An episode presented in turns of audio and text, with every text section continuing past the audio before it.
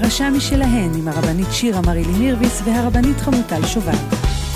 פודקאסט על פרשת השבוע מבית ישיבת אור תורה, מחניים. שלום הרבנית חמוטל שובל. שלום הרבנית שירה מרילי מירביס. פרשת ניצבים. פרשת ניצבים נפתחת בחגיגיות נורא גדולה, נכון? אני מדמיינת את זה, אתם ניצבים היום כולכם לפני השם אלוהיכם, כולכם, ותיאור של מי ומי בניצבים. יש משהו בהתייצבות הזאת מאוד חגיגי. טקס, יש פה טקס. ממש. ויש פה דרישה מכולם לעמוד ביחד, והשיתוף של כל העם ביחד, ותיאור של המצב. נכון, לצורך הברית הזאת. כן. אחד המעמדים המרגשים אה, שהיו לנו לאחרונה, סיימנו חמש אה, שנות לימודי הלכה במדרשת לינדנמאום, והיה לנו טקס. ובאנו עם כל המשפחה והחברים, היה טקס מאוד מאוד מכובד, ואמרתי לבנות שלי, כל שבת יש, אה, לא יודעת, בנות, יש לי רק בנות, אז יש עניין עם הבגדים, מה לובשים לאיזה אירוע, ויש בגדים של זה, ובגדים של שבת, ובגדים של ברית, ואמרתי להם, דמוקרטיה זה לא לנו, אני בוחרת מה אתם לובשות לטקס. אמרתי להם, בשבתות כל אחת יכולה לבחור, יש לי זכות וטו, אבל יש לכם זכויות שונות. בטקס שלי, של הסיום שלי, שהוא יצולם והוא מאוד מאוד חגיגי, אני בוחרת. אני בכלל לא מאמינה גדולה בדמוקרטיה בתוך המשפחה, אבל זה גם נראה לי נושא לפודקאסט אחר. חינוך טיפה שונה, אבל אני חושבת שהבגד עושה את זה. נכון. זאת אומרת, יש פה משהו תחושתי, שכשאני מתלבשת יפה ומתקלחת ומסדרת את המטפחת והכל כזה זה, זה מכניס אותי לאווירה של הנה, טרחתי ובאתי ואני כולי שבתית וחגיגית. אבל עוד לפני הטקס, מדבר מאוד מאוד יפה המדרש תנחומה, שבעצם רש"י מביא אותו לפסוק הראשון, לאתם ניצבים, רש"י מביא מדרש תנחומה מאוד יפה, שהוא אומר למה סמיכות פרשיות, למה עכשיו לפני שנייה קראנו פה את כל הקללות, אם אתם זוכרים את זה עוד משבוע שעבר זה ככה עוד יושב לנו בבטן, כל התיאורים המאוד מאוד קשים, ושנייה אחרי זה פתאום אנחנו באווירה חגיגית כזאת, פתאום יש פה טקס, יש פה ברית, למה נסמכו הפרשיות של הקללות ושל הברית עם הקדוש ברוך הוא בפרשת ניצבים, ואומר המדרש בצורה מאוד יפה, כששמעו בני ישראל את כל הקללות, יש פה מילה מיוחדת, הוריקו פניהם. זאת אומרת, אני מדמיינת את זה כמו אסתר המלכה, הם נהפכו ירוקים, הם עומדים שמה והם שומעים קללה אחרי קללה אחרי קללה, וארור וארור, והם צריכים להגיד אמן.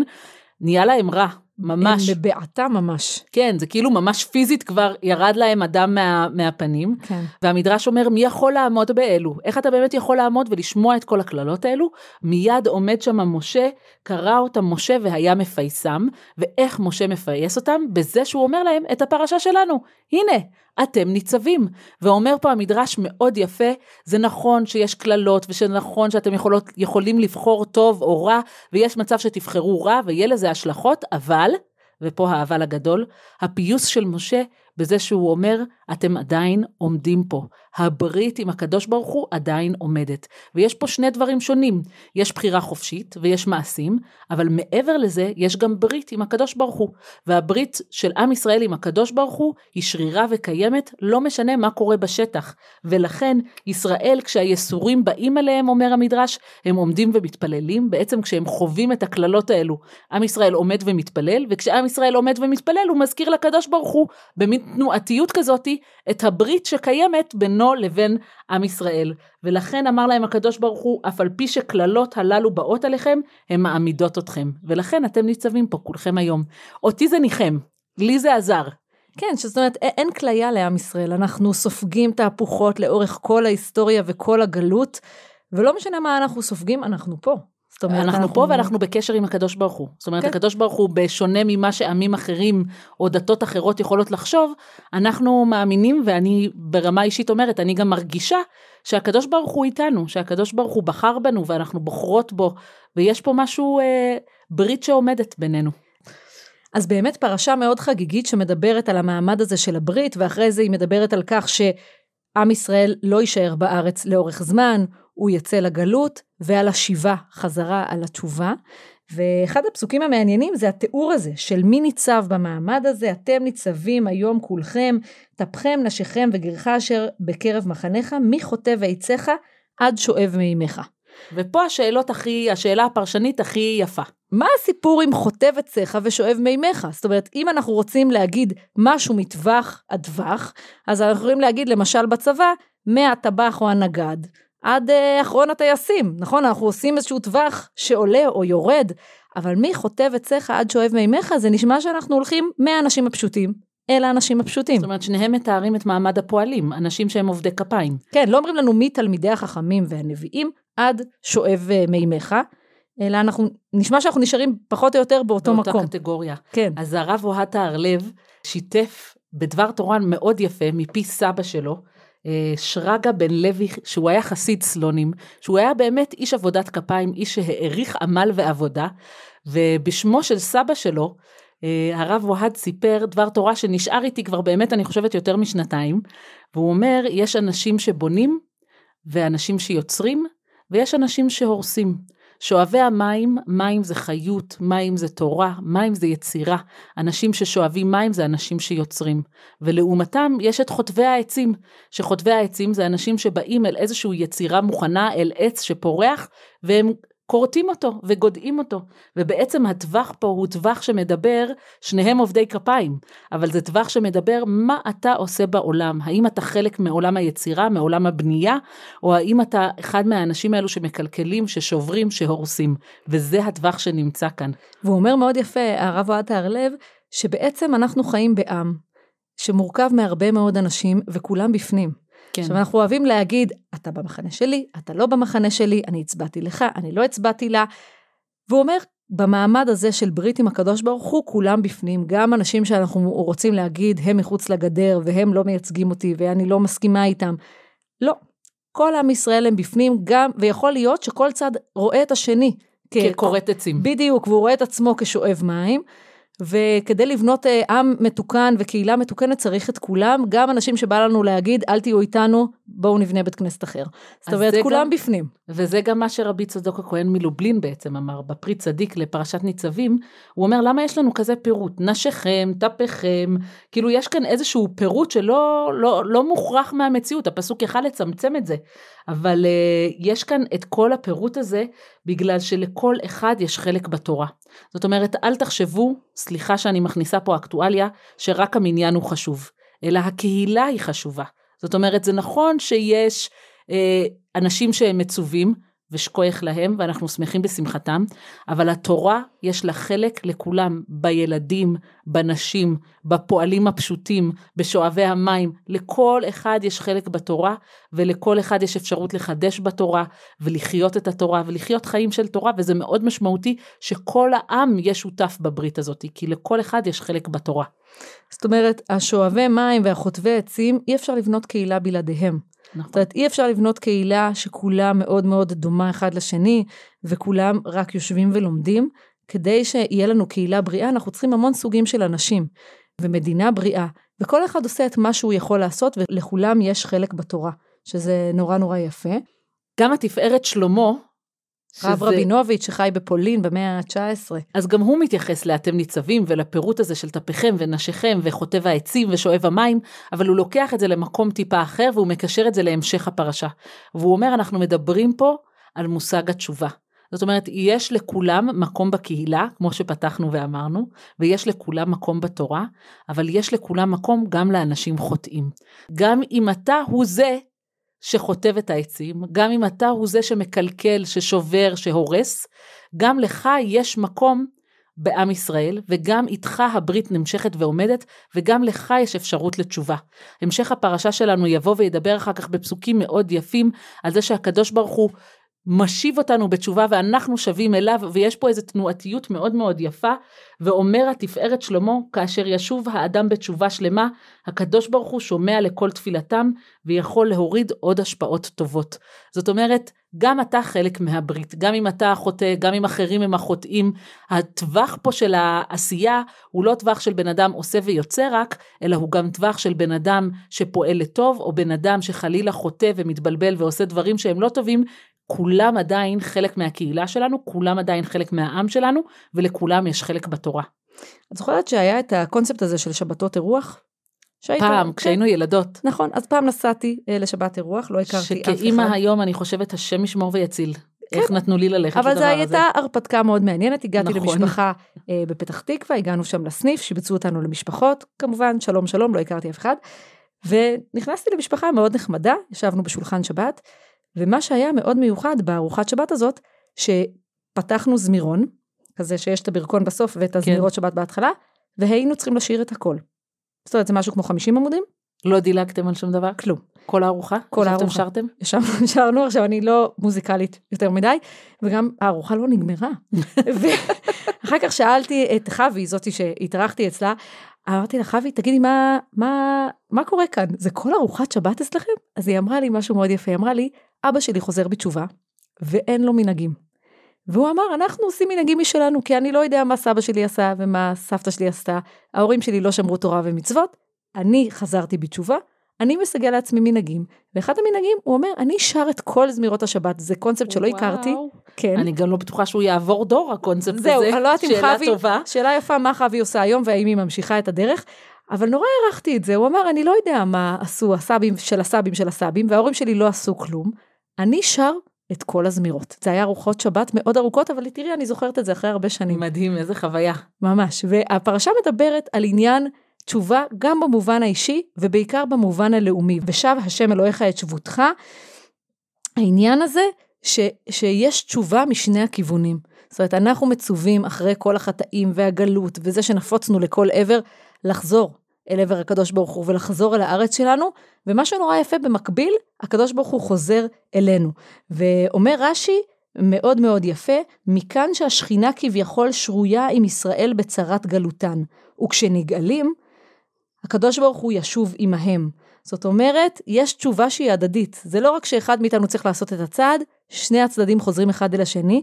ממשיך רש"י וכותב, גדול יום קיבוץ גלויות, כאילו הוא עצמו צריך להיות אוחז בידיו ממש איש איש ממקומו. כאילו הקדוש ברוך הוא נותן יד נותן לנו יד. לכל אחד, בכל מדינה שהוא נמצא, וממש מעלה אותנו לכאן, יד ביד. את אומרת את זה ואני חשבתי על זה שזה לא רק שהקדוש ברוך הוא חוזר איתנו לארץ, אלא שהקדוש ברוך הוא גם נושא איתנו את העונש. כן. זאת אומרת, הגלות שלנו היא גם הגלות של הקדוש ברוך הוא, הגלות של השכינה מירושלים ומארץ ישראל. אנחנו לא אז- שם לבד, איפה שלא נהיה. איפה שלא נהיה, הקדוש ברוך הוא, יש נפקא מינה כאילו גם על השראת השכינה, יש גם השלכה של המעשים שלנו גם על הקדוש ברוך הוא, ולא רק השלכה של המעשים שלנו על עצמנו. כן. ואיזה יופי שרש"י כותב את זה, שהשכינה שרויה עם עם ישראל בגלות. זאת אומרת, יש עונש לכאורה גם על הקדוש ברוך הוא. וגם הרבה נחמה. כן. שאנחנו לא לבד. שאנחנו לא... ביחד בסיפור הזה, לא מה שלא משנה. קורה, אנחנו ביחד. נכון. אז אם אנחנו מדברות על קיבוץ גלויות, הסיפור שאני גדלתי עליו זה של סבתא, סבתא עליזה וסבא משה, שהתחתנו בגיל 17, והמשפחה שלהם רצתה שהם יישארו במרוקו. סבא וסבתא גדלו במרוקו, והמשפחה שלהם הבנתי שהיא הייתה משפחה מבוססת, נכון? כולם היו קשורים למלך במרוקו, אז גם המשפחה שלי היה שם איזה משהו, והמשפחה שלהם אה, אמרה, ארץ ישראל, חמוד, אבל לא, טוב לנו פה, ברוך השם, המשפחה מבוססת וקהילה טובה ורבנים ותלמוד תורה, וכרגע אין לנו מה לחפש בארץ ישראל. וסבא וסבתא שלי, סבתא עליזה וסבא משה, אחרי החתונה, החליטו ביחד, אבא שלי כבר היה ילד קטן, וסבתא שלי הייתה בהיריון, והם פשוט לילה אחד נעלמו. הם- וואו, זה נורא אמיץ. זה נורא קשה ונורא אמיץ, וגם הסיפור הזה על איך הם היו בתוך אה, סירה קטנה שהייתה מיועדת בכלל לדייג, ולא הייתה מיועדת לחצות ככה את הימים הארוכים עד לארץ ישראל. וסבתא שלי בהיריון, ואני רק כל ההיריונות שלי חושבת על סבתא מקיאה את נשמתה בסירה הקטנה הזאתי שמיטלטלת בגלים, וסבתא שלי הייתה מספרת איזה נס הקדוש ברוך הוא עשה להם, כמה הם היו צעירים ולא הבינו את גודל החשד והפחד של מה זה אומר סירה קטנה בתוך הים הגדול, ואיך כשהם היו שם הם רק התפללו להגיע ובאמת להצליח במסע הזה ולנחות בארץ, והם ברוך השם הגיעו. הם- הסירה הגיעה עד לנמל? הסירה בישראל. הגיעה עד לארץ ישראל, זה וואו. היה איזה סירת דייגים מאוד מאוד קטנה, הם פשוט נעלמו למשפחה שלהם בלילה, והחליטו שאם המשפחה שלהם לא עולה אז הם יעלו, והילדים שלהם יגדלו כבר בארץ. אבא שלי היה תינוק קטן, או היה ילד קטן, הוא לא זוכר את המסע הזה, ברוך השם נראה לי, כן. ו... והם הגיעו לארץ עם ילד קטן וכבר דוד שלי נולד פה בארץ ובאמת החלום הגדול הזה של הנה יש לנו מדינה ו... ויש לנו אפשרות לעלות בה והתחושה הזאת שאתה לא יכול להתעלם מזה ולא משנה כמה תלאות היה להם בארץ ישראל אחר כך נכון כמו כל הדור הזה שנראה כן. לי שהיה להם מאוד מאוד קשה במשפחה שלנו זה סיפורי המעברות וסיפורי החיים המאוד לא פשוטים שהיו אז בארץ ישראל ו- ועם כל זאת, החלום היה גדול מסך החלקים שלו. זאת אומרת, היה פה ממש מסירות נפש בשביל הקיבוץ גלויות הזה. אז באמת אה, יש פה גם שיבה ממש פיזית לארץ ישראל, ויש הרבה דיבור על אה, תשובה במובן הרחב שלה. ובעיניי השאלה הכי מעניינת היא, כשהפרשה אומרת לנו, ושבת עד השם אלוהיך ושמעת בקולו ככל אשר אנוכי מצווך היום, כולם חייבים לחזור בתשובה? זאת אומרת, זה מצווה לחזור בתשובה, או שכשאנחנו עושים תשובה ביום כיפור, זה נכנס שמה, בסך התשובה, וזה מחלוקת מאוד מעניינת. זה בעצם מחלוקת ראשונים, והרמב"ם וספר החינוך הם אומרים שזה חלק ממצוות הווידוי. זאת אומרת, יש לנו מצוות עשה, מצוות העשה היא מצוות הווידוי, וחלק ממצוות הווידוי זה לעשות תשובה. שאני מאוד יכולה להבין את זה, כי וידוי זה אקט שעושים, מדברים נכון. את החטאים. אבל מצוות תשובה יש בה משהו נורא מעורפל. אבל... איך אתה יכול לצוות על, על תנועת בנפש? אבל בכל זאת, בכל זאת הרמב"ן וספר היונה, הם אומרים לא, מצוות תשובה עומדת בפני עצמה. יש עלינו חובה, יש עלינו מצווה לעשות תשובה. ועכשיו אנחנו יכולים לדבר איך עושים את המצווה הזאת, או איך מקיימים אותה, או מה היא כוללת בתוכה, אפילו לרמה של גדרים הלכתיים, מה כוללת מצוות התשובה. אבל חשוב להבין שלדעת הרמב"ן היא עומדת בפני עצמה והיא לא חלק ממצוות הווידוי. אני מאוד מבינה את הרמב"ם כי הוא רציונליסט. נכון. הוא אומר, אני יכול לצוות עליך להתוודות, להגיד מה היית לא בסדר, ותוך כדי זה תעשה תשובה, זה, זה חלק מאותו דבר. הרמב"ם שכלתן מאוד מאוד, ואני מאוד מתחברת לזה. אבל לעומתו... ומצד שני, אני גם מבינה את הצד השני שאומר לא. יש, אפשר לצוות על תנועה בנפש. כן? אבל העניין פה זה שהרמב"ן לומד את זה שמצוות התשובה עומדת בפני עצמה מהפרשה שלנו. הוא מביא בדיוק את הפסוק הזה, ושבת עד השם אלוקיך, אומר הרמב"ן, הנה, יש לך מצווה ספציפית שהיא לעשות תשובה. וכשהפסוק אחר כך ממשיך ואומר, אנוכי מצווך היום, לא נפלאתי ממך, לא נפלאתי ממך מצוות התשובה, כי קרוב אליך הדבר בפיך, בלבבך לעשותו, אומר הרמב"ן, את מצוות התשובה אתה צריך לעשות בפה ובלב. ככה אתה צריך לעשות את מצוות התשובה. הרב קוק מדבר uh, בפרקי ההתקרבות של מאמר הדור, על עניין הזה של תהליך התשובה. הוא אומר, יש משהו נורא מפחיד בלהגיד, אני חוזרת בתשובה. אני הולכת את כל הדרך, זה דרך ארוכה עם מלאת חתחתים, והוא אומר, אוקיי, יש, דבר, יש אה, הרבה ערך לתהליכיות. לא צריך להגיד, אני עושה מ-1 עד 100. כן, היום. מחר בבוקר 613 מצוות קדימה. כן, הוא אומר, זה נורא נורא קשה. אז הוא אומר, בוא נפרק את זה לארבעה חלקים. נכון, אנחנו מתחילים בכבוד הדת. אתה יכול לכבד את המסורת, אתה יכול לראות את היופי ואת הערך במצוות. אחר כך אתה מגיע לחיבת הדת. אתה מתחיל לקחת עליך מצוות ומנהגים, ועדיין אתה לא בפול גז. ויש את הכרת הדת, שזה באמת משהו מאוד לימוד. שכלתני. בדיוק, של הבנת המצוות ממש בשכל, ובסוף יש את הקיום. ואני מאוד אוהבת הכתיבה הזאת של הרב קוק, שהוא אומר, אני מבין שאנשים הם יצורים תהליכיים, וגם יש משהו מאוד מאוד בריא בתהליכיות, ומשהו שנורא קשה לחיות איתו בקצוות. היום כן. אני כאן ומחר אני שם, הרב קוק אומר, תעשה את זה שלב שלב, תשובה זה דבר נורא מפחיד. אני גם נורא אוהבת שהוא אומר שהשלב הראשון של ההתחלה של כל הדברים האלו, זה שאתה מסוגל לראות מישהו אחר עושה משהו, כן. ולהעריך את זה. ולכבד את זה. אתה אומר, בסדר, זה לא אני, אבל אני מסוגל להסתכל על דברים מסורתיים, על דברים דתיים, ולהעריך אותם, ולכבד אותם, אפילו לאהוב אותם, להתחיל כאילו ברמה של אה, להעריך משהו, ורק אחר כך לראות האם זה מתאים לי. אבל קודם כל שיהיה לך את היכולת להסתכל על זה מבחוץ, ולהעריך את זה. אונקלוס, בצורה מאוד מעניינת, דווקא על הפסוק שלנו, הוא מתרגם את הפסוק של שבותך בצורה אחרת. הוא לא מתייחס לזה מלשון תשובה, מלשון לשוב, אלא אונקלוס מתרגם את זה מלשון שבי. זאת אומרת, שעם ישראל יצא מהשבי שלו, שהקדוש ברוך הוא יוציא אותנו מהשבי שלו. וזה נותן לנו איזשהו פירוש אחר כן. לעניין הזה. כאילו פתאום הוא לא מדבר פה על תשובה, אלא הוא מדבר על שבייה. זאת אומרת שאנחנו כלואים באיזשהו מקום גם תודעתי וגם ממש פיזי. אז פיזי זה הגלות. נכון. אבל אם אנחנו מדברים על כל בן אדם באשר הוא נמצא, אז מה השבי התודעתי שאני נמצאת בו, שאני צריכה עזרה להשתחרר ממנו. נכון, והוא אומר, תסתכלו על שני ההיבטים האלה, כי לפעמים אתם תקועים באיזושהי מחשבה, באיזשהו הלך רוח, באיזשהם דברים שלא טובים בהרגל. לכם. בהרגלים. צאו מהשבי שלכם כדי לעשות תשובה. והרב סולובייצ'יק מדבר על הפסוק בפיך ובלבבך לעשותו. הוא אומר שיש דברים שכשהם נמצאים בראש זה נחמד, צריך למלל אותם, צריך להגיד אותם בפה. יש תהליכים שקורים לנו רק כשאנחנו מעיזים להגיד את כל מה שחשבנו לפני כן. כן, החשיבות שבניסוח. שבעצם בלב שלי, נכון, כשאני כועסת על אנשים, או כשלהפך, כשאני שמחה או אוהבת אנשים, אני מנהלת דיונים שלמים ביני לבין עצמי, מה אני אגיד. ואז כשאני נעמדת מול הבן אדם, נורא קשה. לא יוצא לי כלום, שום דבר שם לא מנוסח. אז הרב סולובייצ'יק מדבר בערך של לעמוד שנייה ולנסח לעצמי ולהצליח, ואז הוא אומר, זה חלק מהתהליך של התשובה, זה להצליח לנסח לעצמך ולהגיד את הדברים האלו ממש בפה, לשמוע את עצמי אומרת את זה, זה מאוד מאוד משמעותי, ולכן הפסוק מפרט את זה, את הבפיך ובלבבך. זה לא יכול להישאר ברמת הלב, זה חייב לעבור לרמת הפה. אני פעם אה, למדתי שיעור מאוד מאוד חשוב, הייתי באיזה אירוע משפחתי, ומישהי אמרה לי משהו נורא מעליב. ובלעתי, את יודעת, אירוע משפחתי, אתה מחייך כל הערב, ואתה מתלבש יפה, ואתה כולך זה, והלכתי עם תחושה איומה הביתה. איך לא אמרתי כלום? איך לא הגבתי? כן, והפגיעה הזאת, וואלה, לא ישנתי בלילה. אה, וזה באמת, האמת שזה היום, במרחק השנים, זה לא היה כזה סיפור. אבל אז נעלבתי נורא, זה היה משהו חיצוני בכלל, שהיא אמרה לי עליו משהו, ולמחרת, אה, בעזרת רונן, שעשה לי שיחת עידוד, התקשרתי אליה, ואמרתי לה, וואלה, זה נורא העליב אותי. מה שאמרת, זה הרס לי את האירוע המשפחתי, ודיברנו על זה. וצריך והיית המון... צריכה להיות מסוגלת לשחרר את זה ממך. בדיוק, אבל צריך המון מקום נפשי כדי להעביר את זה מהראש אל הפה. כי בראש אנחנו מאוד אמיצים. וואי, איך היא אמרה לי את זה, ואיך נעלבתי, ולדבר את עצמי, וכמובן אני מצדיקה את עצמי בתוך הראש, אבל להרים את הטלפון היה לי כל כך קשה. כי זה גם מכריח אותך לשמוע את הצד שלה.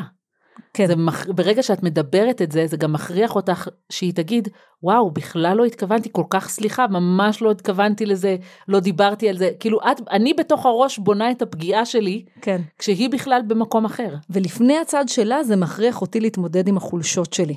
כן. ולהגיד, וואי, איך יכול להיות שאני נפגעת ככה מאמירה כזאת? זה מעמיד אותי מול האמת ממש ברגע שזה יוצא לי מהפה וזה בא- באוויר העולם.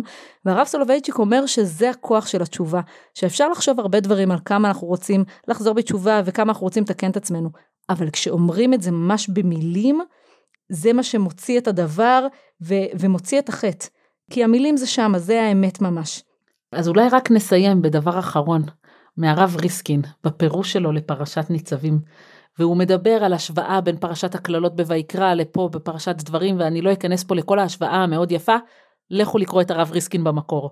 אבל uh, הוא אומר שההבדל, ההבדל זה שיש פה בפרשת דברים את המקום הבכירי. הגאולה מותנית בשיבה של עם ישראל, ועוד לפני פסוקי הגאולה יש דרישה, ושבת עד השם אלוקיך ושמעת בקולו. אה, יש שתי שיבות, השיבה אל הארץ והשיבה אל התורה.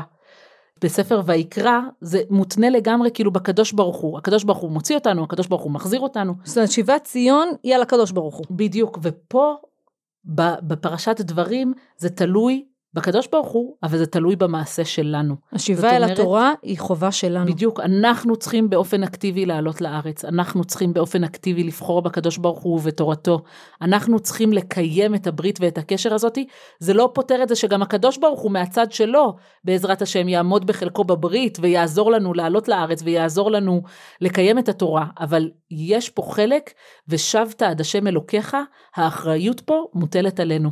אז שנצליח בעזרת השם לעמוד בחלק שלנו בברית, לקיים את הברית, לחנך את ילדינו לחיי תורה וארץ ישראל ועם ישראל, ולדעת לעשות תשובה בפה ממש. ולדעת לעשות תשובה. שבת שלום. שבת שלום.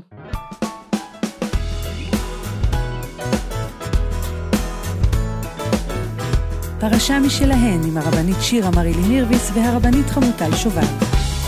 פודקאסט על פרשת השבוע מבית ישיבת אור תורה, מחניים.